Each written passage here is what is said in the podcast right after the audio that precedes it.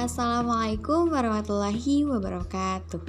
Balik lagi dengan saya Hajar Fatima di podcast Ngelan Turkoy Oke, eh, tema kali ini masih membahas seputar fikih muamalah.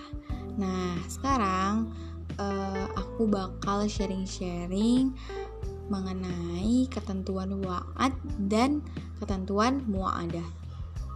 Oke, langsung aja ketentuan wa'ad itu ngomong-ngomong janji ya artinya. Nah, ketentuannya menurut syariat suatu janji atau wa'ad atas dasar pesanan atau perintah seseorang bersifat mengikat secara moral bagi yang berjanji kecuali ada alasan yang sah menurut syar'i.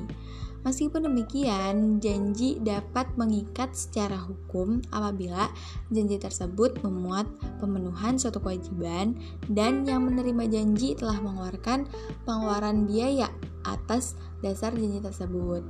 Sifat mengikat dari janji tersebut maksudnya wajib dipenuhi atau keharusan adanya kompensasi pembayaran atas kerusakan atau kerugian yang timbul dari janji tersebut.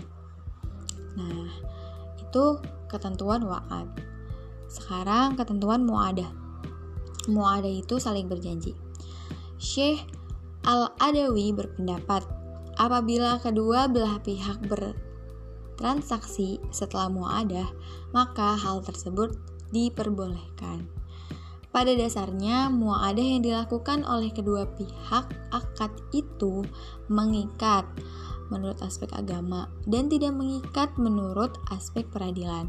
Jika muadah yang dilakukan kedua belah pihak itu bertujuan sebagai tahayul untuk melakukan praktik riba seperti kesepakatan bertransaksi inah, muadah untuk melakukan transaksi baik wasalaf, maka transaksi itu dilarang menurut Islam. Oke. Okay.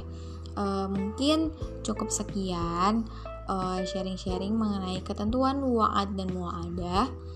Hmm, tetap stay tune di channel podcast Kelan Turkoy karena masih banyak uh, episode-episode selanjutnya. Terima kasih telah mendengarkan podcast ini. Assalamualaikum warahmatullahi wabarakatuh.